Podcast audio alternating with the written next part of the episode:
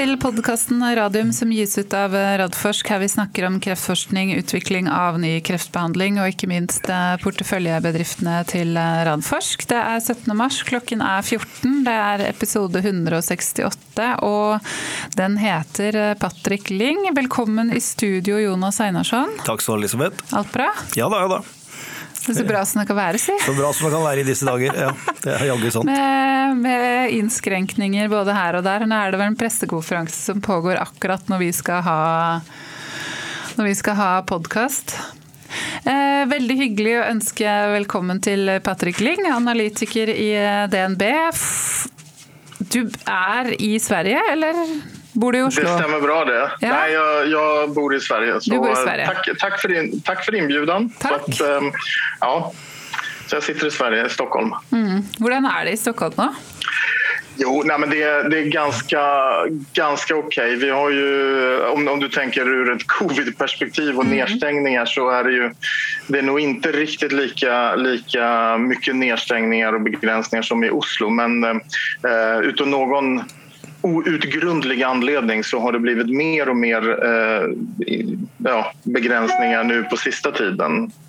Själv kan man väl kanske personligen tycka att det hade varit bra om det hade varit mer, mer inskränkningar i början innan vi fick 13 000 döda. Men ja. eh, det är bara min personliga åsikt. Mm. Ja, det, no, någon får ta och göra en uh, genomgång när vi är uh, färdiga med ting.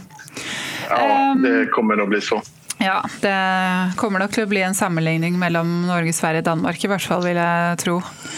Eh, jeg tenkte vi må begynne først, eh, Patrick, med at du introduserer deg selv for eh, våre lyttere. Ja, absolut. Patrik Ling heter jag. Jag jobbar då som analytiker på DNB och är ansvarig för life science-bolagen i Norge och i Sverige framför allt. Eh, vi har ju ett team av analytiker eh, både i Stockholm och i London faktiskt som, som täcker, täcker life science. Eh, vi har än så länge ingen analytiker som är på plats i Oslo utan det är väl kanske någonting som vi hoppas kan förändras över tid. Men som sagt, jag, jag är då ansvarig för, för de norska och de svenska bolagen och har jobbat som analytiker totalt sett här nu i drygt 20 år eh, och eh, har även varit förvaltare faktiskt på eh, SEB Asset Management en gång i tiden och jobbade på deras globala life science-fond. Och där ansvarade jag för medicinstekniska bolag globalt och en del av de stora läkemedelsbolagen. Men, men från början så har jag faktiskt en, en bakgrund från läkemedelsindustrin så att efter, efter utbildningen så, så gick jag in i läkemedelsindustrin och har jobbat med försäljning och marknadsföring där eh, mm. på ett, eh, tre, tre bolag eh, innan jag hamnade i finansbranschen. Men det är en spännande bakgrund och det är viktigt att ha på en måte en, en fag, till dels fagbakgrund när man är analytiker, tror du inte det? Jo, det tror jag och, och det hjälper naturligtvis väldigt mycket. Eh, både, både att man har jobbat länge med det eh, och både sett misslyckanden och framgångar eh, men också om, att, att ha en erfarenhet från, från industrin är, är också naturligtvis väldigt, väldigt bra. Och det är någonting som jag känner och det är ju faktiskt ett av era bolag som vi kanske kan komma tillbaka till men, men till exempel Photocure mm.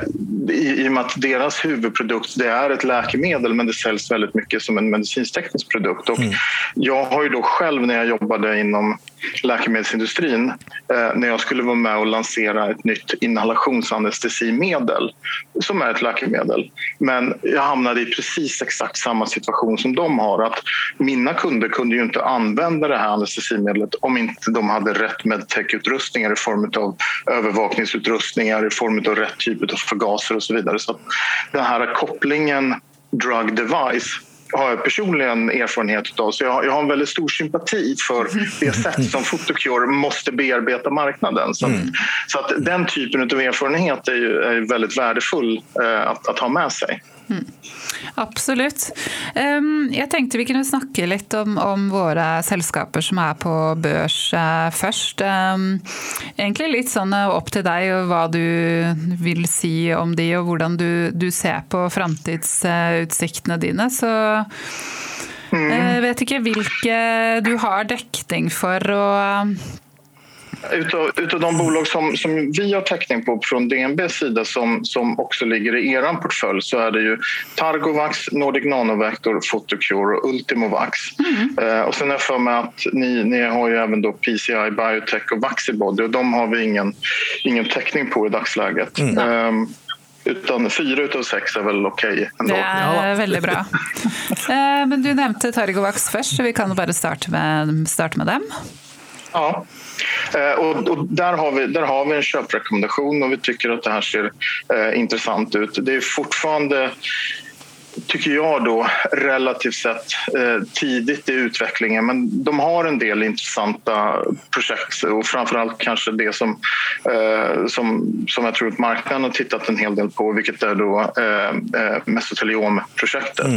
Mm. Där har de, vilket de i och för sig också flaggade för nu på, på i samband med sin kapitalmarknadsdag, så har de ju kanske en utmaning när de ska designa nästa studie. För att även här så har det ju kommit under åren eh, lite ny ut liksom, ny, lite ny behandling i form av att man, man eh, godkände kombinationen Ipinivo som förstahandsbehandling här. Och, eh, man, man vill ju inte riktigt hamna i den sitsen som man eh, gjorde med eh, pankreascancer tidigare och deras TG-plattform. Att helt plötsligt ändrar sig hela, hela, hela, miljön och man har någonting nytt att ta, ta, ta ställning till. Så där tror jag att det, det är en väldigt intressant indikation för dem men, men man måste nog kanske fundera igenom exakt hur, hur man ska designa det här så att man inte, eh, så att man inte hamnar i, i bakvattnet. För det man har tittat mm. på tidigare är ju då mot, mot eh, cisplatin och permetrexet som är liksom den gamla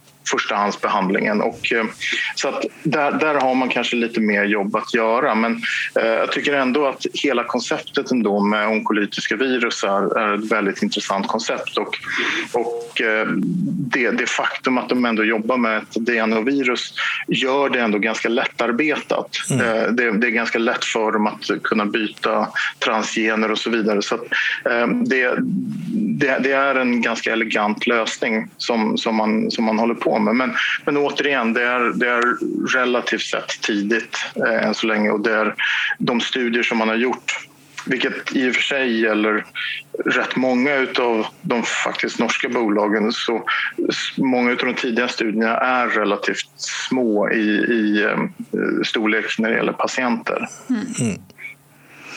Så bra. Um... Men i forhold til Targovac så er det vel litt å se fram til nå, både i form av ikke de, Skal ikke de ha noen samtaler med Merck, så vidt jeg husker? Ja, Det er jo det Patrick snakker om, og eh, hvilken type samarbeid de kan få. Så jeg er veldig enig med deg, Patrick, at eh, både når det gjelder enten det gjelder onkolytisk virus eller, eller peptidvaksiner, eller for så vidt andre skal vi kalle det stimulerende medisiner i, i syklusen, så, så er det viktig å få posisjonert levert inn eh, de produktene vi har i, i, sammenheng med de eksisterende. og Det er vel ikke noe tvil om at det er eh, de forskjellige checkpoint-inhibitorene som kommer til å være dominerende nå i, i lang tid eh, fremover. Og, og, da få plassert det som at det er naturlig å bruke onkolytisk virus eller peptidvaksiner som en add-on for å få en enda bedre mm, mm. effekt. Enn, fordi vi, vi, vi vet jo at standalone med, med sånn stimulerende behandling, eh, den blir ikke god nok. Fordi eh, kommer jo inn og, og, og stopper det. Sånn at vi må ha disse type kombinasjonsstudiene som vi vel nå ser at de, alle selskapene egentlig girer inn på. At det, det er måten å posisjonere det i markedet. Mm. Nej, så att, så att, absolut, jag håller med. Så att det, det som man har tittat på, om man går tillbaka, nu, numera då rätt långt tillbaka i tiden, att titta på monoterapi, det är eh, antagligen ganska meningslöst utan, utan det kommer vara kombinationsbehandlingar. Det som, det som ställer till det lite naturligtvis eh, och det man måste hantera här nu det är ju nu ska jag se om jag kommer ihåg siffrorna rätt, men jag har för mig att, att Ipinivo gav nog en 18 månaders overall survival mot ungefär 8-9 månader för cisplatin permetrexet. Så, att, så att det, det, blir lite annan typ av studie liksom när, mm. du, när du ändå vill visa en förbättring förhoppningsvis då i overall survival. Att helt plötsligt har du någonting som kanske tar ett år längre om du ska ha det som en add-on till den nya standard of care. Ja. Um, sen, sen är ju den förändringen inte alls utav samma magnitud som det som man råkade ut för på pancreas, eh, pancreatic cancer. Så att det, här är, det här är hanterbart. Ja. Eh, men man kanske måste liksom tänka om lite i design och så vidare. Mm. Ja, men Det blir spennende, spennende å se hva de lander på der. Um, da kan vi jo gå videre til uh, Elisabeth, ja. Patrick, uh, har du, jeg går ut fra du ikke har, har ikke finlest din analyse der, men lagt inn noen særlig verdi på den kinesiske eventyret til, til Targovax. Men har du noen noe tanker rundt det? Uh, nej, jag har faktiskt inte lagt in det som någon standalone värdering utan, utan mer snarare sett det som en potentiell uppsida. Ja, ja. Mm. Og der bør vi vel få vite noe ganske snart? Ja, det, mm. De har jo sagt at de skal, skal, si noe, i hvert fall. I løpet av, ja, Det må jo bli før påske. Ja, rett og slett. Det er jo i løpet av neste eller ja, halvannen ukene. Um, vi kan jo gå videre til uh, Photocure, Patrick. Ja, och, och likadant där så har vi, har vi en positiv syn och vi tog ganska nyligen upp då riktkursen till 170 eh, norska och eh, precis som jag var inne på tidigare så jag, jag, tror ju, eller min tro i alla fall är att, att Photocure är otroligt mycket bättre, eller kommer vara otroligt mycket bättre på att sälja den här produkten än vad Ipsen har varit om man mm. tittar på det som ändå har drivit väldigt mycket av aktiekursutvecklingen här nu under 2020 och början av 2021. Vilket ju är att man har tagit tillbaka egentligen rättigheterna på sin, sitt, eh, sitt egna, sin egna produkt. Eh, och det tycker jag ändå vi kan se på, eh, på utvecklingen i USA för att där har man ju då under egen regi under ganska lång tid ändå jobbat med det eh, väldigt tajt mellan, mellan device och drog. Eh, och det har fungerat väldigt bra nu när man har liksom kommit över kanske den första, första eh, lilla nivån att, att få ut de här Eh, blåljuscytoskopen. Eh, och som jag sa då, så jag, jag, känner igen det här så väl från det jag själv gjort att det är det här sättet som du måste jobba på. Det går inte att sälja det här som ett läkemedel utan har du den här typen av produkter som är väldigt, väldigt intimt sammankopplad läkemedel och device så måste båda synka. Mm. Eh, och, och, och då kan man säga att ja, men i det här fallet så varför säljer inte, varför säljer inte device-tillverkarna de här produkterna? Och, och, det gör de, men, men om, man, om man ändå ska koka ner det till ur Photocures synvinkel så tycker jag ändå att eh, vdn Dan är väldigt tydlig med att ja, okej, okay, det är klart att de gör det, men eh, till syvende och sist är det liksom min, mina finanser liksom blir baserat på att vi måste ändå göra det. Mm. Eh, det, det, här, visst, det är viktigt upp till en viss nivå för device-tillverkarna men för oss så är det extremt viktigt. Och gör inte de ett jobb som vi tycker är tillräckligt bra eller tillräckligt engagerade, ja, men då måste vi göra det. Mm. Vi kommer att ha igen det och det, det, det ser jag som positivt. Ja. Det andra som, som jag tror man, man, man kan ta med sig det är att när man tittar på hur device-försäljning i USA fungerar mot Europa så många gånger, inte alltid, men många gånger så ersätter ju en device-säljare egentligen en sjuksköterska inne i operationsrummet. Vilket betyder att, att en, en säljare i USA många gånger tillbringar kanske hela dagen med en kund och står inne i operationsrummet. Vi ser det för den här typen av utrustning, vi ser det för ortopedi, vi ser det för en, en rad olika devices. Eh, och, och det fungerar inte riktigt så i, Europa utan här har vi en högre nivå av sjuksköterskor och vi har mer personal. Så som säljare i, i Europa så kan du ju faktiskt ha en något bättre effektivitet. Det vill säga att mm. när du i USA kanske träffar en kund på en dag så kan du i Europa kanske träffa tre eller i bästa fall fyra kunder. Så jag tror att när man tittar på det jobb som ligger framför dem så kanske du inte behöver ha för att nå samma försäljningsnivåer och för samma försäljningsutveckling egentligen samma koncentration av säljare som du har i USA. Utan det är möjligt, tror jag, att, att eh, nå de här eh, försäljningsmålen med en faktiskt kanske lite mer slimmad organisation. Mm. Ja, Det blir i hvert fall veldig, veldig spennende å se. Um, og, og Photocure også har jo samarbeid med, med, et kinesisk eh, selskap. Hvordan ser du på det i forhold til Sevira? Ja, ja där, där, har jag faktiskt också varit lite så försiktig. Uh, mycket på grund av kanske historiken att, att Sevira var en produkt som, som uh, jag ändå personligen tyckte verkade väldigt lovande. Men det är kanske en ännu mer komplicerad produkt eftersom den är total integrerad device och drog.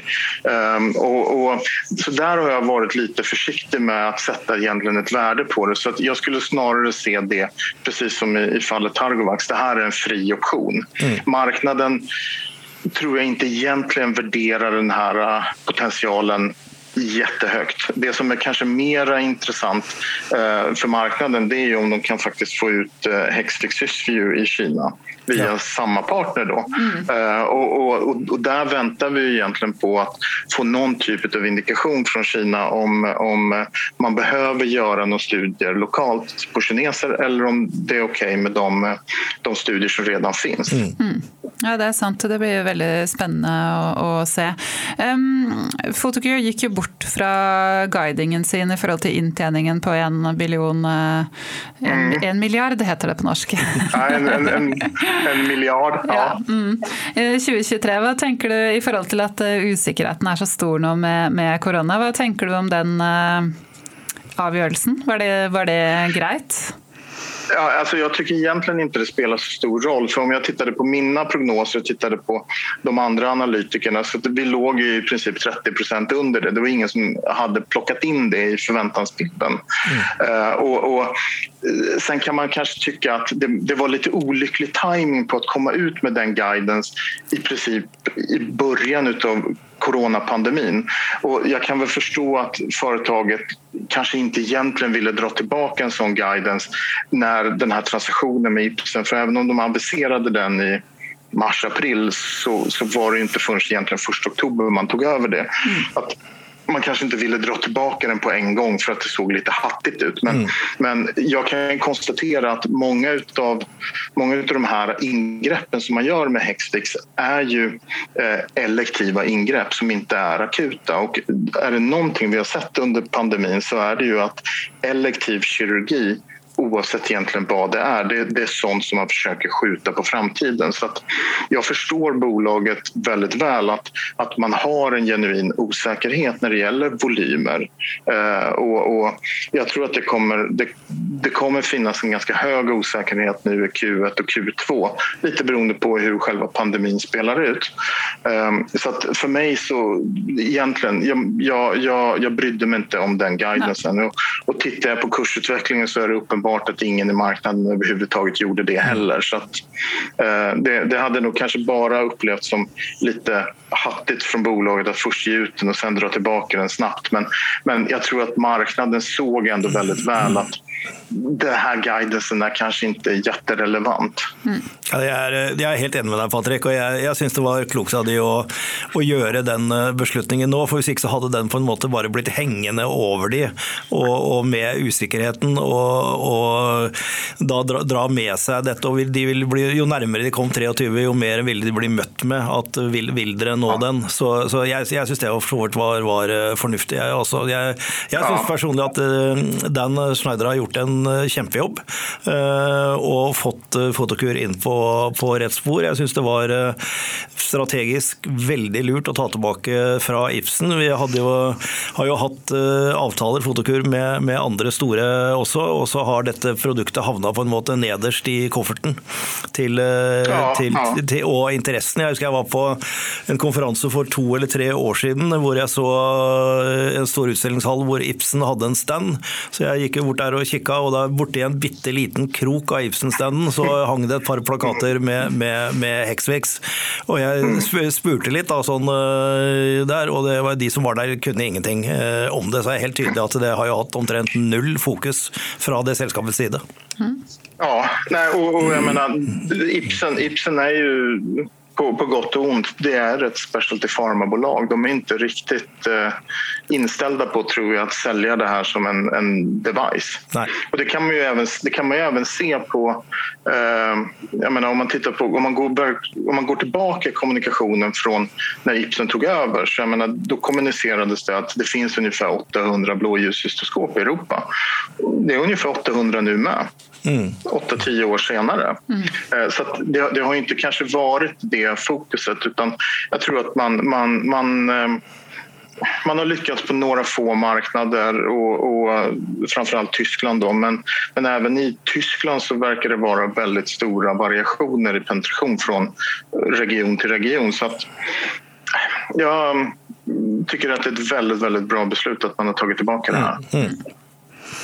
Så bra. Eh, Då kan vi gå vidare till eh, Ultimo Vax.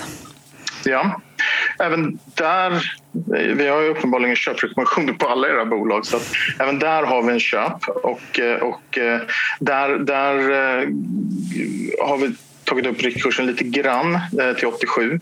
Eh, vi tycker att det här är ett riktigt eh, spännande case. Eh, det är fortfarande i mina ögon då lite tidigt. Man har ju, man har ju en del bra data historiskt och eh, nu håller man ju på och gör eh, fyra Eh, rätt stora studier kommer man göra i, i ehm, ett, ett, antal olika ehm, eh, indikationer. Och eh, jag tror att det är bra för att även om, även om deras vaccin egentligen, givet att det, det har det target som det har, egentligen borde kunna vara ett ett ehm, universellt vaccin så tror jag att myndigheterna kommer vara rätt försiktiga med att ge ett universellt godkännande. Eh, jag tycker att det vi har sett tidigare när det gäller Eh, den här typen utav, utav produkter är att man, man behöver dokumentera dem indikation för indikation. Mm. och det, det, tror jag man, man kommer behöva göra, göra även tidigare eller även i framtiden. Eh, så, att, så att där är det bra att man har ett, ett, ett antal olika, olika studier som, som eh, går och kommer att gå. Och rekryteringen så här långt i de studier som är klar eller kvar, som har startat ser bra ut. Ehm, tycker jag. Eh, och det är ju, eh, kommer ju vara, vara, vara viktigt och vi har ju sett det eh, på, på rätt många bolag att nu under pandemin så rekrytering till studier är väl kanske egentligen den faktor som där, där pandemin har påverkat de flesta företag mest negativt. Att det har varit stora utmaningar. Ehm, samtidigt så har cancer ändå klarat sig rimligt bra skulle jag vilja säga. För det här är trots allt eh, eh för många, de, de, flesta livshotande sjukdomar. Eh, men, men, eh, men mm. så att där, där kommer det ju vara rätt mycket fokus nu på, på hur rekrytering går och, och hur, hur eh, eh kommunikationen är kring de här studierna. Och Eh, eh, som sagt, jag tror ju att givet den mekanism de har eh, att det här är någonting som kommer att fungera och eh, vi har ju våran modell försökt ta lite höjd för det. För vi har ju nämligen i vår värdering ytterligare en indikation som inte de egentligen gör några studier i. Eh, och, och för, för, att som analytiker så sitter man ju lite i, i, i den här rävsaxen att man, man, man ser att produkten är någonting som potentiellt kan användas för allting. Eh, men, men man vågar inte riktigt ta ut de svängarna så jag har faktiskt plockat med lite värde från indikationen eh, icke-småcellig lungcancer också. Mm. Det är en indikation där de faktiskt har gjort studier lite tidigare eh, så därmed så finns det någonting att hänga, hänga upp värderingen på. Eh, men, men att, att våga bredda det till att säga att det här fungerar på allt, eller åtminstone alla solida tumörer, det, det, det, det, det är ett rätt långt steg kvar där tror jag. Mm. Du er styre, styreleder, Einarsson. Er det da Jeg tror styreleder skal være forsiktig å diskutere med, med analytiker, så jeg, jeg, jeg, jeg, tror jeg står over den der. Står over den, ja. Da kan jeg stille jo flere spørsmål. fordi Rett før jul så fikk de jo med seg um, altså Ton Birkin i forhold til det å sette opp uh, avtaler med stor farma. Um, når man ansetter sånne type mennesker, er det noe som legges inn i vurderingen vurderingene dine eller andre analytikers, eller spiller ikke det så mye rolle? Jag tror, att, jag, tror att, alltså, jag tror inte man ska förvänta sig att det liksom omedelbart får en liksom push på aktiekursen och på värderingen. Utan vi vet ju att det här är ju ett bolag och jag menar, det gäller inte bara Ultimovax utan det gäller ganska många av bolagen som, som pratar om att kanske inte ta produkten hela vägen till marknad utan att snarare göra en utlicensiering. Och ska du lyckas med en utlicensiering så, så är ju det här snarare någonting som är ett need to have. Att du måste ha den typen av personal och du måste ha de resurserna in-house för att, för att kunna göra en vettig förhandling med med, Big Pharma och kanske ha någon, någon, eller några som har rätt kontakter med Big Pharma. Så jag skulle inte eh, säga att det är någonting som gör att jag skruvar egentligen på värderingen.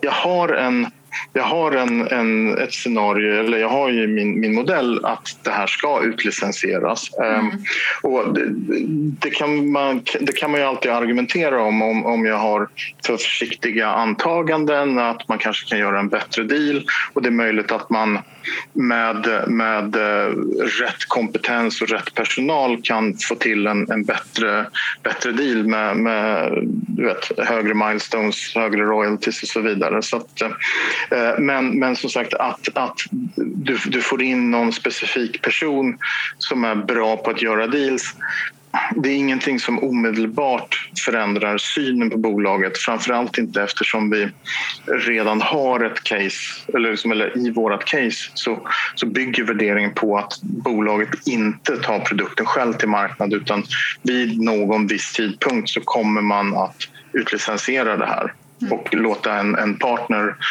köra de stora dyra fas 3-studierna och man själv kommer få, få royalties och milestones istället. Mm. Ser den. Eh, då är det väl Nordic Nanovektor? Ja. Mm. Eh, och där tycker jag liksom kursen har ju, har ju repat sig väldigt väl i den, den aktien och jag tycker ju att det de kommunicerade nu kring eh, deras senaste rapport eh, det, det, det, absolut viktigaste där är ju, är ju rekryteringstakten. Mm. För det är ju det som har varit det stora problemet eh, under ganska lång tid. Och, och eh, ja, varit väldigt, väldigt positivt överraskad. Mm. Eh, att vi nu verkligen äntligen såg ett genomslag av de här förändringarna som man har gjort i protokollen. Så vi ser att rekryteringstakten har rört sig uppåt. Och, och bolaget har väl då antagligen, skulle jag gissa, sett att rekryteringstakten fortsätter upp. Så att det vi såg nu var någon typ av genomsnitt för sista kvartalet mm. eller fram till, till rapportdagen. Eh, eftersom de guidar för att den här rekryteringstakten ska fortsätta uppåt. Eh, och gör man det eh, så, så kommer man med stor sannolikhet att kunna leverera data enligt den tidslinje som man, som man nu har kommunicerat. Så det var det ena. Det andra som jag faktiskt också blev väldigt positiv eh, positivt överraskad över eh, det är ju att man minskade studien med bara 10 patienter från 130 till 120. Eh, för att jag har väl hela tiden känt att skulle man ha kört den här studien på 130 patienter med två doser hela vägen fram så du hade 65 patienter i varje dos så är det lite borderline litet material mm. för att komma till myndigheten och säga att, att eh, ja, men vi skulle vilja ha det här godkänt på den här dosen. Ja, det, det är bara 65 patienter. För det finns hela tiden den här, på något sätt det finns egentligen två hurdles som du ska klara. Den första hörden är vad behöver du absolut minimum för att få ett godkännande?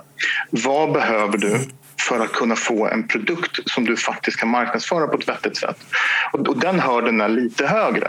Eh, det är mycket möjligt att de hade kunnat få ett godkännande på bara 65 patienter men du kanske hade setat din marknadsföringssits som hade varit sämre med tanke på att de konkurrerande läkemedlen har i, i snitt någonstans runt 110 patienter var i sina fas 2-studier som de har blivit godkända på. Eh, och, och du vill inte hamna i en sits där du ska ut och konkurrera där konkurrenten går ut och säger så här, ja visst men du kan inte riktigt lita på den här datan för att det är så få patienter. Mm. Så där måste jag säga att jag blev, jag blev väldigt glad att man faktiskt bara minskade med 10 patienter för det innebär att du kommer hamna någonstans runt ungefär 100 patienter. Mm. Och det, det, är, det är helt okej. Okay. Eh, så, att, så att det var egentligen de två grejerna som jag reagerade på i samband med deras senaste rapport som, som väldigt positiva. Mm. Det, det, er jeg helt enig med deg, Patrick. Jeg var, jeg var veldig, veldig letta og, og, faktisk litt overraska og fornøyd at de faktisk hadde klart å knekke koden med å få til eh, rekrutteringen i, i paradigmestudiet. Så, og det betyr som du sier at vi høyst sannsynlig vil få disse dataene. Fordi, fordi en, en, ting er om de er gode nok, det, det, er jo den risken vi lever med i, i alle disse selskapene. Eh, og den får vi bare leve med til vi får dataene. Men å ha usikkerhet treffsikkerheten i tillegg om man får de og når man får de, den, det, det, det, er en kraftig demper på, på markedets interesse og kurs. Og, så jeg var veldig, jeg er veldig fornøyd med den jobben de har gjort nå etter at eh, de, de gjorde noen utskiftinger der og, og, på en måte fikk eh, fokuset på, på riktig sted. Så, så ja, nei, jeg, jeg syns Nordic Nano Vector ser lovende ut nå. Mm. Mm. Ja, men jag, håller, jag håller helt med. för att jag menar, vi, vi vet ju fortfarande ingenting om datan i, i Paradigm eh, men, men jag menar, den datan som vi har sett tidigare eh, är faktiskt väldigt, väldigt bra. Ja. Och framförallt kombinationen effekt och eh, biverkningar eh, ser, tycker jag, väldigt lovande ut. Ehm, ja, det, det, det kan jo se ut som at eh, bivirkningsprofilen til eh, medikamenter får et visst fokus i tiden fremover. Det er jo litt, litt fokus på bivirkninger ja. av vaksiner i dag. Så. Ja, absolut. absolut. Så att, och, och, och, jag menar, så så att det är, det är, nej men så att jag, jag, jag, tycker det ser riktigt, riktigt lovande ut. Och, och, nu är de ju dessutom, nu är de ju dessutom finansierade ja. så att de har pengar över hela, hela den paradigm readouten och det kommer ju bli otroligt viktigt. Ja. Um, så att det, det, det känns som ett case som har blivit klart starkare under den senaste, senaste tiden. Mm. Absolutt, man kan vel si at de er liksom back, back on track der de var for noen, for noen år siden, da det gikk litt, litt mer på skinner. Um, ja. Du, du, har jo også dekning på, på svenske biotekbedrifter. Um, ehm, jeg vet ikke, Er Oncopeptides en av de? De fikk jo nylig en FDA-godkjenning. Eh, det är det absolut. Och det är nog kanske det case som jag tycker är mest intressant just nu. För precis som du sa, så de fick ju nu 28 februari så var Fedufa Date för deras första produkt i USA, så de fick ett godkännande. Och bolaget sa då i samband med det att eh, produkter finns i USA, vi ska bara trycka våra labels, det ska in med bipacksedlar i förpackning förpackningarna. Och nu i måndags var det väl så kom de ut eh, med en pressmeddelande och sa att nu har första shipments ut till apotek och, patienter gått. Eh, så, att, så att det är ett bolag som har kommit då eh, kanske lite längre. Om man, om man bortser då från Photocure som har haft produkt på marknaden väldigt länge så har det där, där, där börjar man ju se det här skiftet från att bara vara ett rent forskande bolag till att faktiskt vara ett eh, kommersiellt bolag. Och, eh, det kommer bli otroligt spännande att, eh, att eh, följa hur, hur försäljningsutvecklingen ser ut, eller kommer se ut. Eh, och tittar vi på tittar jag på, på våra prognoser och om man jämför lite med... Det har ju kommit en del nya läkemedel på den indikationen. Ett förra året och ett året innan. Så, så tror jag ändå att marknaden är lite kanske försiktig i sina, sina försäljningsestimat. För att det som är en viktig skillnad här, och då är vi nästan tillbaka på nanodiskussionen det är ju att det här det, det Oncopeptides har är ett läkemedel med ganska milda biverkningar. Alla, bi, all, alla läkemedel som, som påverkar benmärgen har hematologiska biverkningar men det vi ser med många av de nyare läkemedlen som har kommit är att de har väldigt, väldigt mycket icke-hematologiska biverkningar som kan vara ganska problematiska att hantera. Och en av dem, eller den som kom senast till marknaden, eh, Belantamab eh, från, från Glaxo, har ju ganska jobbiga ögonbiverkningar. Så där måste man som, som förskrivande läkare man måste koppla ihop patienten med, med ögonläkare också vilket inte kanske ett jättestort problem om patienten bor i New York men bor du i Mid-America så är det inte alltid lika säkert att du har en ögonläkare eh, nästgårds eh, som mm. du kan få tag i. Och, eh, och lyssnar, man på, lyssnar man på Glaxo och deras kommunikation så de, de pratar ju om ja, grade 2 och grade 3 men, men jag menar grade 2 då Eh, då, då kan du inte se på tv, du kan inte läsa, du kan inte köra bil. Grade 3, då ser du skillnad på ljus och mörker så att du är ju i princip blind. Ja. Så även om man, om, man, om man pratar om det så är det ganska problematiskt. Absolut. Framförallt för patienter som är då i slutskedet av sitt liv och där livskvaliteten normalt sett Eh, liksom, kraven på det går upp så är det här ett läkemedel som, som eh, eh, ja, Glaxus läkemedel är inte något som förbättrar livskvaliteten utan snarare tvärtom. Medan då Onkos läkemedel har väldigt, väldigt lite icke-hematologiska biverkningar. Så mm. jag tror att den här kombinationen av effekt och en väldigt bra biverkningsprofil gör att det här är ett attraktivt alternativ. Mm. Høres bra ut. Eh, er det noen andre svenske selskaper eh, man burde følge med på? Alltså, det, det, finns ju, det finns ju en del eh, som, som är spännande tycker jag. Jag tycker att BioArctic är spännande. De håller på inom, inom Alzheimers sjukdom och, och eh, eh, Parkinsons sjukdom. Det, det är ju en, en, marknad som är, eh, har lite dåligt rykte eftersom i princip allting har misslyckats där. Men, mm.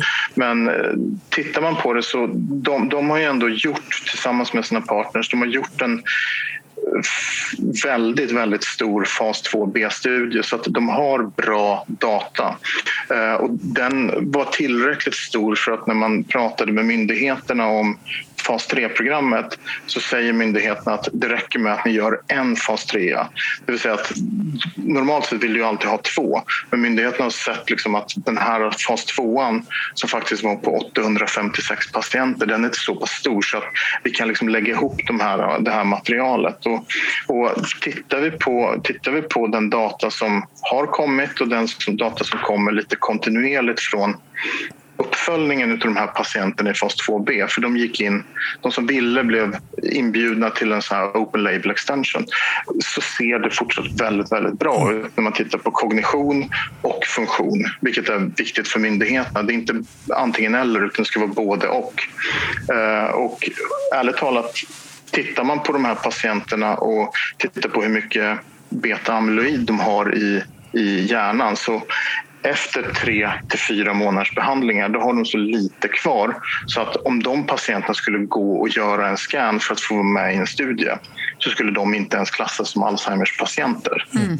Vilket är rätt intressant. Absolut. Ja, att, eh, men, men, men som sagt, det är fortfarande ganska långt kvar. Deras mm. studie kommer, fas kommer väl i bästa fall vara färdigrekryterad i slutet av det här året. Sen är det 18 månaders uppföljning. Mm. Men, men ett intressant område. Ehm, ett annat bolag som också kommit kanske lite längre det är Camurus som håller på med mera omformuleringar av redan befintliga läkemedel. Ehm, och de har lanserat här för ett och ett halvt år sedan ett läkemedel mot opioidberoende. Ehm, och det har gått väldigt, väldigt bra. Så mm. Förra året så var man ute och höjde sin försäljningsguidance två gånger och den guiden som man kom ut med här nu för 2021 var klart bättre än vad jag hade räknat med. Så, att, så att där, där har man ju kommit in i kanske ännu längre än vad Onko har gjort i, i liksom den kommersiella fasen. Så det blir, det blir lite mer kan man säga, intressanta kvartalsrapporter för ett sånt bolag. Mm. De här biotechbolagen, då sitter vi mest och funderar på okej, okay, de förlorar 30 miljoner eller 32. Det, det, spelar kanske inte så stor roll. Här, här, här har det kommit till ett annat eh, stadium. Mm. Så det, det, är väl tre bolag som jag skulle kunna lyfta fram i, i Sverige faktiskt. Mm. Där, där hade du plockat fram sättningen the quarterly presentation was merely a non-event. ja. ja, precis. Nok, nok en non-event. Ja, ja det er sant. Men eh, ja, nå er vi jo i en pandemi. Det har vi vært eh, et, et, års tid. Man har håndtert det litt uh, ulikt i, i Sverige og, og, Norge, som vi snakket litt om i stad. Men det trenger vi ikke å gå noe inn på. Um, altså Situasjonen i Norge nå i hvert fall er at vi har litt sånn kappløp med vaksinene. For nå har vi plutselig hatt ekstremt mye smitte pga. den britiske mm. mutanten særlig. Uh, og så ja, har vi ikke vi har i hvert fall ikke tilgang nok til vaksiner. Det går trøgt ja. når man sammenligner med Storbritannia og, og, USA. Her har man liksom kapasiteten til å gi vaksiner, men man har ikke noen vaksiner å gi. Um, men det at man nå har er det, er det fire vaksiner som er godkjent, eller er det tre? Jansen sin er jo også godkjent. Fire. Ja, ikke sant? Ja. Mm. Uh, allerede i løpet av et år, og de ser ut til å ha altså, god effekt. Litt usikkert da på bivirkningene til AstraZeneca som de nå undersøker. Um, tror du at uh, pandemien og denne kjappe utviklingen av vaksiner uh, kan ha noe positivt for legemiddel- og biotekbedriftene? Sånn omdømmevis, i hvert fall i Norge, så har jo i hvert fall legemiddelindustrien eh, dårlig omdømme. Ja, eh, och jag menar, tyvärr har ju, om, om du tittar på, det finns ju en del såna här um, det finns ju en del såna här uh, utvärderingar där man frågar gemene man om vad, vad, vad tycker ni om de här industrierna? Och, mm. uh, på liksom 50-60-talet så låg ju läkemedelsindustrin allra högst upp. Att det här var liksom verkligen bra, etiska och så vidare. Nu ligger man ju längst ner, någonstans bredvid alkohol och vapen. Mm. Uh, så det, det, har ju varit en väldigt tråkig utveckling för läkemedelsindustrin. Och det är framförallt inte de här bolagen som vi pratar om utan det är mera Big Pharma då. Eh, som, som, som har fallit väldigt mycket i, i rykte. Och, och jag tror att tittar vi på det som sker nu så det är det är många i samhället som inte riktigt förstår vad det innebär egentligen att tillverka ett vaccin. Och, och de blir liksom arga på företagen när de eh, får leveransproblem. Men, men jag menar, tittar du på en normal tech transfer när du ska flytta en tillverkning från ett ställe till ett annat, kan du göra det på 18 månader? Eller, då, då har du gjort det jäkligt bra. Mm. Och att behöva liksom skala upp den här produktionen så snabbt, eh, det är utmanande. Och jag tror inte riktigt folk förstår det, men jag tror också att många av de som kommunicerar från politiskt håll och från, från myndighetshåll inte heller riktigt har en speciellt bra förståelse för hur går faktiskt läkemedelstillverkning till mm. och, och vad är det för utmaningar du har. För att så att, så att där, där, där, har du kanske en kommunikationsutmaning från läkemedelsindustrin mot politiker, mot lobbyister, mot eh, allmänheten. Eh, att, att faktiskt förklara att det här är ingenting som man gör bara för att jävlas med folk utan det här är på grund av att vi ställer så pass rigorösa krav på, på tillverkning och på validering och så vidare. Mm. Eh, så att, eh, jag tror ju att eh, netto så själva pandemin eh, påverkar ju inte egentligen positivt på, på något sätt. Men Nej. det kommer ändå tror jag finnas små nischer där, där du kommer se eh, nya, nya möjligheter för företag. Jag menar, vi har ju sett Moderna och, och eh, Biontech till exempel. Mm. Eh, jag menar, hela den här vaccindelen validerar ju mRNA som en teknologi. Mm. Jag menar, Biontech har ju mycket, mycket mer cancerprojekt än vad de har, äh, än, än, vad de har vaccinprojekt egentligen. Så det här är ju, så att du, du får ju en, en validering av teknologier som du kanske inte hade fått lika lätt och lika snabbt eh, utan, utan covid-19. Eh, och jag menar, det gäller antagligen även Vaxibod, även om vi inte nu har någon täckning på dem. Men jag menar, de, de har ju också, om man tittar på deras tidigare studier, så mycket av studierna från början var ju, var ju infectious diseases. Mm. Det var ju influensa och det var saker. Så, att, så att, att, att du kan få en validering av teknologi som kan användas för både det ena och det andra är ju, är ju positivt. Men, men det är för ett uh, select few kan man väl kanske säga. Mm. Sen, sen, kommer det, sen kommer det säkert, och jag menar, det beror lite på hur pass liksom, positiv man är på morgonen när man vaknar. Om man, om man tror att vacciner kommer rädda rädda världen här eller om det här kanske går från att vara en pandemi till att bli mer en endemi där vi får liksom, eh, flare-ups eh, från tid till annan. Och det här är någonting som vi kommer behöva lära oss leva med. Då kommer det ju finnas antagligen en marknad för en annan typ av läkemedel i form av antivirala läkemedel, läkemedel som behandlar symptom. Eh, så att det kan ju öppna upp möjligheter men jag tror att generellt för industrin så, så har det nog ändå liksom varit mera problematiskt än, än positivt. Mm i form av försenade studier och, och, problem att få access till sjukhus och så vidare. Mm. Jeg tror du har veldig rett i det at, man, at det finnes en form for kunnskapsmangel blant både politikere og, og hvermannsen i forhold til hvor, eh, hvor, vanskelig det er både å utvikle og produsere, som du sier, eh, legemiddel.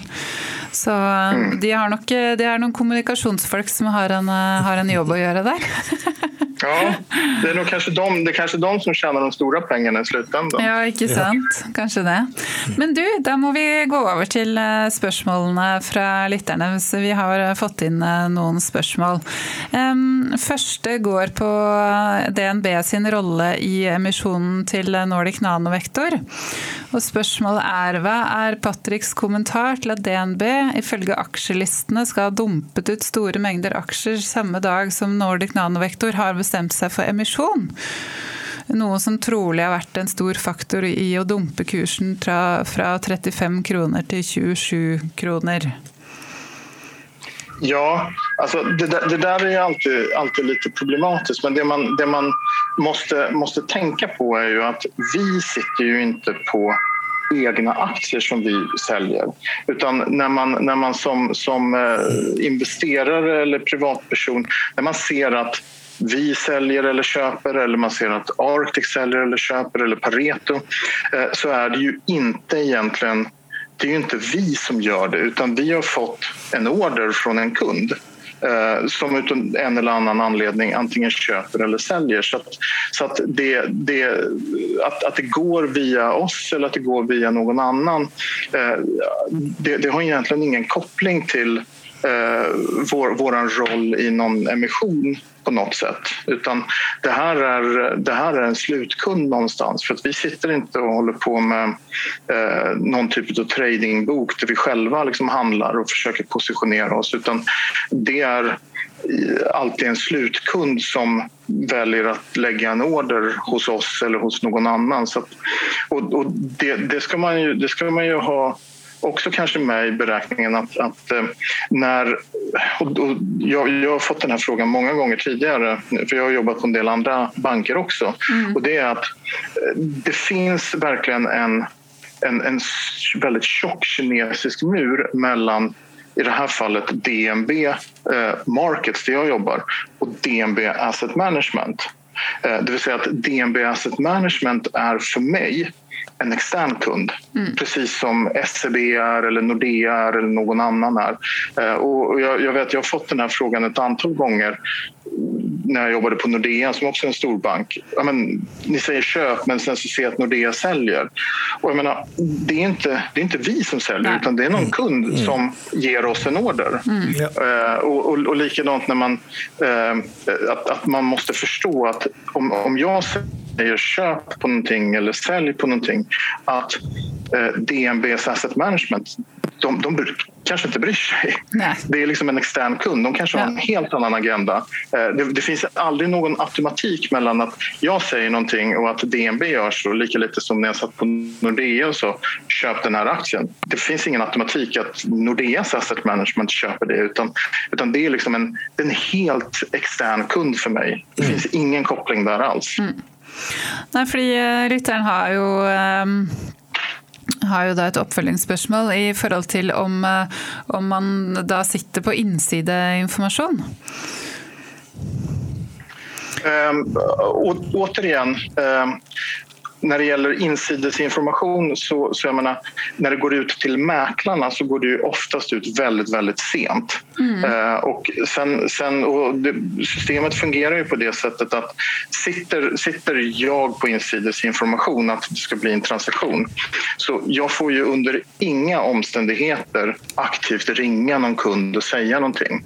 Eh, och, och, jag får ju inte heller egentligen prata med en kund. Om, om en kund ringer in till mig och ställer en fråga om ett bolag då det enda jag får kommentera det är sånt som jag redan har publicerat för annars bryter man mot insidesreglerna. Ja. Och där, där har ju alla, alla banker och alla fondkommissionärer de har ju väldigt, väldigt strikta system så att, så att är det så att jag vet att jag har blivit eh, insiderklassad eh, för en viss transaktion mm. eh, och man, man kanske har insiderklassat även en kund.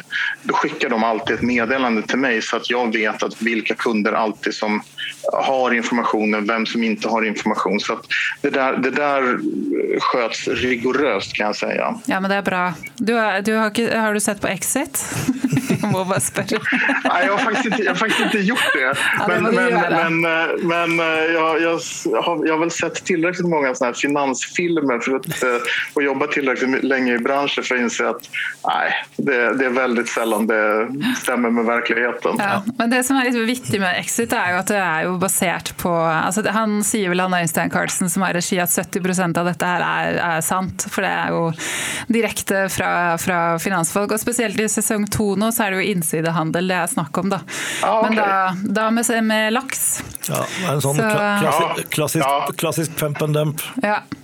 Ja, okay, okay. Ja. Men eh, ja, så hvis du kjeder deg, har mangel på, på, aktiviteter, så kan du Den er verdt å se, altså. Og har, det er jo en svensk skuespiller eh, som spiller, som gjør en fantastisk eh, rolle. Ja, okay. ja. Mm. ja, men jeg får, jeg får forsøke ta litt tid og titte på det. Ja. Um, her, neste spørsmål er hvilke universitetsfag ville du anbefalt for å kunne slå seg opp en karriere som analytiker? Förlåt, vilka universitets... Ja, om man att bli analytiker, vad bör man ta som utbildning? Det står universitetsfag, men... Ja.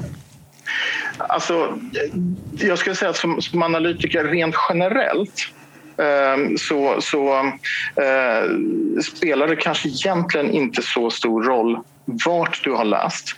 Ehm, jag brukar försöka, när jag tittar på, på människor och på CVn, så jag brukar, jag brukar gå lite efter mandarinprincipen. Det vill säga att om man, om man har läst en, en eh, högre utbildning så betyder det att man antagligen är klyftig. Mm. Ehm, och, och eh, sen kan man ju säga att det det hjälper eh, om man har läst ekonomi och finans men det är egentligen många gånger den den lättare delen av jobbet. Ja. Eh, men det beror lite på vad det är för, för, sektor du ska hålla på med. Ska vi jobba med, med den här typen av bolag? Nu, nu, nu har jag en del, en del medicinsk utbildning och, och väldigt mycket internutbildningar i bakgrunden från det att jag kom från läkemedelsindustrin. Men jag kan ju konstatera att ekonomutbildningen, eftersom jag är ekonom från början, det, det är ju den lätta delen. Mm. Det, är, det är det medicinska som är det utmanande som det tar mycket längre tid att lära sig om man ska hålla på med just den här sektorn. Sen kan det ju mycket väl vara så att, att uh, du, du, har andra sektorer där ja, det kan finnas andra, andra mer specialinriktningar som, som är uh, mer relevanta. Men, men um, ja, det är svårt att ge ett generellt svar på exakt ja. vad man ska, ska läsa för någonting. Ja, det känner jag. Um, nästa fråga är om du följer med på onlineforum? Eh, um, ehm, nej, jag brukar faktiskt inte göra det eh, om jag ska vara ärlig. Um, det är, eh, för mig så blir det ju ofta eh, rätt mycket distraktion faktiskt att eh, sitta och titta på, på det. Um, och, och, rent generellt kan, man, kan, jag, kan jag tycka att som, som analytiker så aktiekurser rör sig ju väldigt mycket upp och ner. Eh, kanske lite mer faktiskt i Norge än vad de gör i Sverige. Men de rör sig väldigt mycket på, på det som egentligen är noise eller mm. brus ja. som, som inte egentligen är fundamenta. Och, och jag, jag är nog lite, lite av den åsikten att just på väldigt mycket av de här onlineforumen så, så är det mycket mycket som är lite mer åt noise-hållet. Mm. Att man, man kanske klär saker och ting i ord som egentligen inte kan substansieras allt för mycket. Mm. Eh, så jag, jag, brukar inte, jag brukar faktiskt inte följa med så mycket på de, de Nej. forumen. Nej, men det är, det är du och jag som inte gör det. Jonas, du, du är en ivrig läsare. Ja, nej, jag följer med, jag, men det är mer för, för på en måte och, och två ting. Det ena är att lodda stämningen eh, och det andra är, eh, är att se att om det dyker upp en ting som någon hänger sig upp i och har någon meningar runt som är klare misforståelser, så kan jeg faktisk bruke podkasten til å ja. Eh, oppklare de. Så det er, det er hovedgrunnen til at jeg er med der. Men Patrick, jeg har et spørsmål ja. til deg. Jeg. Eh, det svenske finansinvestormarkedet opp mot norsk biotek, eh, skjer det noe der? Altså, min, min oppfatning opp gjennom årene har jo vært med på ganske mange både noteringer og emisjoner, har vært veldig vanskelig å få attraction fra det svenske investormiljøet mot norska norske biotekselskaper. Men jeg har samtidig en følelse av at det skjer noe der nå, som vi så bl.a. i Nordic Nanovektor-emisjonen. Så hva er din oppfatning av det? Jo, jag måste nog säga att det, jag, jag håller med dig eh, när det gäller historien att det har varit lite, lite trögt att få svenska investerare att eh, investera i norsk biotech. Eh, men jag tycker samtidigt att eh, vi, vi har sett en förändring under de senaste ett, ett och ett halvt åren. Mm. Eh, vi har fått in en hel del stora institutioner som har, som har kommit in i, i transitionerna, både i Targovax, i Nordic Nano. Eh, vi gjorde en börsnotering av Arctic Bioscience nu senast, eh, i Photocure och så vidare. Och, och jag märker också när jag pratar med, med de svenska investerarna att det är fler och fler som utan att vi kanske har liksom pushat det jättehårt. Liksom, men att man jag börjar få mer och mer incoming mm. på norska, norska bolag från svenska investerare. Sådana som jag kanske inte riktigt hade föreställt mig skulle vara investerade som redan har faktiskt investerat i, i, i en rad bolag. Så att, eh, jag tycker att det här samarbetet eller den här liksom, intresset från Sverige in i Norge det har definitivt ökat. Mm. Eh, men det har kommit nu de sista ett och ett halvt åren kanske. Ja, ja. ja det är enig. Eh, Neste spørsmål. Eh, hvor påvirket blir du som analytiker av sentiment i aksjekursen, dvs. Si aksjekursens utvikling, når du utarbeider en eh, analyse? Um, Alltså det, där, det där är ju väldigt, väldigt svårt och då kommer, då kommer man ju till det här som är det, det jag pratade lite om, noise. Menar, när, när vi gör våra analyser så eh, tittar vi ju väldigt mycket på fundamenta och vi gör det väldigt mycket bottom-up så att säga. Att, att man eh, börjar med att göra en prognos över antalet patienter i varje indikation och, och hur många är i first line, second line, third line och så vidare. Eh, vad är en rimlig penetration? När kan saker och ting komma till marknaden? Vad är ett rimligt pris? Så att man, man hör ju att redan med den typen av modell så blir det ju rätt mycket osäkerheter. Vi, vi pratar om prissättning på ett läkemedel som kanske kommer ut om sex år på, på marknaden och så vidare. Så, att, så att det, finns ju, det finns ju en eh, viss typ av eh, osäkerhet i alla modeller. Mm. Eh, jag försöker att, att eh, inte vara alltför påverkad av noise. Men, men vi, vi, är trots allt människor så att det, ibland påverkas man, ibland påverkas man mindre. Det beror lite på vad det är för, eh, vad det är för faktorer vad det är för orsaker som gör till att du får de här svängningarna i aktiekursen. Ofta är det, det är kanske det som Jonas var inne på.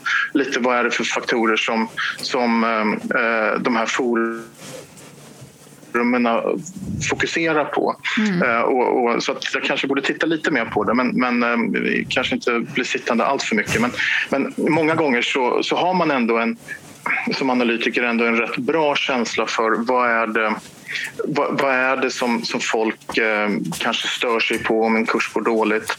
Är det som om vi tar Nordic Nanos, den här väldigt långsamma rekryteringen eh, som, som de har haft historiskt. Att, eh, ja, man, man, det, ofta så går det att identifiera ganska väl vad det är för faktorer som, som folk är oroliga för. Eh, och sen får man försöka bilda sig en egen uppfattning om kommer man att lösa det här? Går det att, eh, att ordna det? Eh, och jag menar, I Nordics fall så har vi ju förhoppningsvis fått ett facit nu eller ett svar på att ja, det gick att ordna det här. Mm. mm. Så bra, vi går vidare. Ehm, kan du si noe om hvordan Big Pharma generelt behandler biotech som er underfinansiert? Er kontantbeholdning og cash runway viktig for å få best mulig deal på f.eks. utlisensieringer? Ehm, um, jag tror att, jag tror att uh, eh, cash runway är viktig för att du som företag inte ska känna att du sitter liksom och, och, behöver göra en deal i panik. Uh, Big Pharma, mitt intryck är att Big Pharma eh, ganska ofta. Liksom, de, de, de har rätt mycket sina standardmallar och, och tänket från Big Pharma är gärna att man, man, vill ha, man vill ha ett avtal som är ganska baktungt för då tar man så lite risk som möjligt. Jag, jag, jag kan hellre betala kanske lite högre royalty eller lite högre sales milestones. För behöver jag betala de pengarna då, då gör jag ju det baserat på en förhoppningsvis då ganska hög försäljning som har materialiserats. Ehm, och, och tittar jag på de flesta bolag som, som har gjort deals så ja, men strukturen i alla fall ser rätt snarlik ut. Mm. Du har en upfront, du har lite development milestones, du har kanske 55 till 60 procent som är sales milestones och så har du någon royalty. Och, och där har det väl utvecklat sig någon typ av industristandard för, för vilka nivåer den där royaltyn kommer ligga på. Um, sen så ser du ju ibland naturligtvis eh, att, att du kan få mycket, mycket större upfront. Um, Eh, jag menar, i Sverige så hade vi eh, BioArctic som fick en väldigt stor upfront. Men då kom det då med ett krav på att då skulle de leverera vissa saker. De skulle göra några kliniska studier, de skulle se till att de fick en godkänd IND. Ehm, jag såg om man tar Vaxibody, deras 200 miljoner dollar upfront. Så, jag, jag vet inte om jag har fattat rätt där, men, men så som jag uppfattade det så, så är det även en del ersättning för att det, det är Vaxibody som faktiskt sköter och gör fas 1b-studien. Mm. Så att det, det beror lite på vad man, vad man, vad man bakar in där. Mm. Så att det är inte alltid helt jämförbart vad, vad som faktiskt ligger i en upfront. Mm. Jag tror också det var implicit i det spörsmålet om eh, Big Pharma närmast spekulerar i att träcka ut förhandlingar så att sällskapet ska eh, gå tom, gå tom för cash och de får en bättre avtal. Och jag, jag tror inte det är något Big Pharma lägger vikt på överhuvudtaget. De är intresserade av att få en god avtal fordi de vill ha produkter ut. Så, och det, det å eventuelt fire på noe på, på upfronten fordi selskapet är i dålig cashposisjon, det, det, jeg har inte noe tro på att de lägger noe vekt på det i det hela tatt. Nej, det tror inte jag heller. Utan jag tror att man, man, man försöker förhandla avtal som är ungefär som, som, som vi har pratat om. Liksom det här är standardavtalen. Mm. Uh, för att om, om man ska vara lite krass jag menar, om Big, Pharma, Big Pharma är oftast, om, om det är, liksom verkligen är en Big Pharma du förhandlar med, de är ofta så pass stora att det här är, liksom, de här pengarna spelar inte så stor roll. Det är inte, det är inte där det ligger utan det är nog mera att, att, man, vill, att, att, att man vill ha ett avtal lite baktungt. Det är nog mera ja egentligen kanske lite riskminimering från den BD-person som sitter och förhandlar. Eh, för att du vet att okej, okay, om, om det här behöver betalas, ja, men då har det lyckats. Ja. Då har jag minimerat min risk för jag är liksom ändå trots allt en tjänsteman. Mm. Så att, eh, jag tror inte egentligen att man sitter och försöker spela ut sånt utan risken som, risken som finns om det är så att du är riktigt intresserad av någonting och försöker liksom pressa ett bolag. Det vi, det vi ser ibland eh, är ju att bolag som har ont om cash ibland måste prioritera lite vad det är man gör. Eh, så att jag skulle kanske snarare säga som så att det är viktigt att bolagen är eh, välfinansierade ganska långt före det att du kommer till förhandlingsdelen. För att det, det vi ibland ser är ju att bolag som säger att okej, okay, nu har vi gjort fas 2, nu ska vi utlicensiera det här. Och sen blir det en deal som kanske inte är så bra som han hade förväntat sig. Då kan du ha haft en situation där det här bolaget vid någon tidpunkt tidigare haft lite ont om cash och behövt prioritera lite vad man gör. Mm. Och det är någonting som Big Pharma känner liksom, oh, det där är inte riktigt bra för då har man kanske inte gjort alla eh, preklin-studier som man gjort. Man kanske inte gjort tox på alla de species som man skulle vilja. Man kanske har missat lite på CMC så man inte som Big Pharma vet riktigt, går det här att tillverka på ett vettigt sätt? Um, och, och, helt plötsligt så, om det ändå blir en deal med kanske då sämre villkor än vad man hade hoppats på så ser man helt plötsligt att Big Pharma börjar säga att vi, vi, vi gör en fas 2 till, vi börjar göra om det. För att studien kanske har varit lite för lite, man är inte riktigt säker så att du har egentligen eh, kommunicerat till marknaden att du, du har ett fas 3 eller ett projekt som är redo för fas 3. Men det kanske egentligen är som så att i Big Pharmas ögon så är det redo för fas 2. Ja ja. Vi har noen få spørsmål igjen. Eh, hvordan forklarer du at du verdsetter de to nye eh, randomiserte fase 2-studiene og indikasjonene til Ultimovax to kroner pga. endringer i dollar, mens du ikke diskuterer endringer i dollar for Photocure og øker kursmålet fra 135 til 170 pga. Ja, på bakgrunn av forventet økt fremtidig salg? tydeligvis ja. en som är lite eh, missförnöjd med värdeökningen ja, jag förstår, ja, det. Jag förstår det. Jag förstår det. Ehm, det, det hade, jag hade naturligtvis kunnat ehm, eh, kanske förklara det där lite bättre men, men till att börja med så eh, när det gällde Photocure så hade jag redan en väldigt låg dollarkurs i, i modellen för de tog vi upp bevakning på i slutet av december så där hade liksom väldigt mycket av fallet i dollarn redan, redan skett. Um, I i Ultimovax fall så uh, vart det en förändring på nästan en krona per dollar um, till, till var, vart den ligger i dagsläget. Så att, tittar, jag på, tittar jag på om jag hade bara lagt in de här två nya indikationerna utan att gjort förändringen i dollarn som jag gjorde eh, så hade man haft en riktkurs som hade legat med den gamla dollarkursen på ungefär 98-99 kronor så det hade blivit en större förändring. Eh, men, men och det här är, då, då kommer vi lite tillbaka till den här osäkerheten när man bygger en modell. Eh, du, du har en prissättning på någonting som du inte riktigt vet vad det kommer kosta x antal år fram i tiden. Jag, jag gör ofta så rätt eller fel. Eh, men att jag utgår från den amerikanska marknaden för det är där det hittills i alla fall sett de absolut högsta eh, läkemedelspriserna. Och sen brukar jag sätta priset i Europa som en, en procentandel av det amerikanska eh, priset.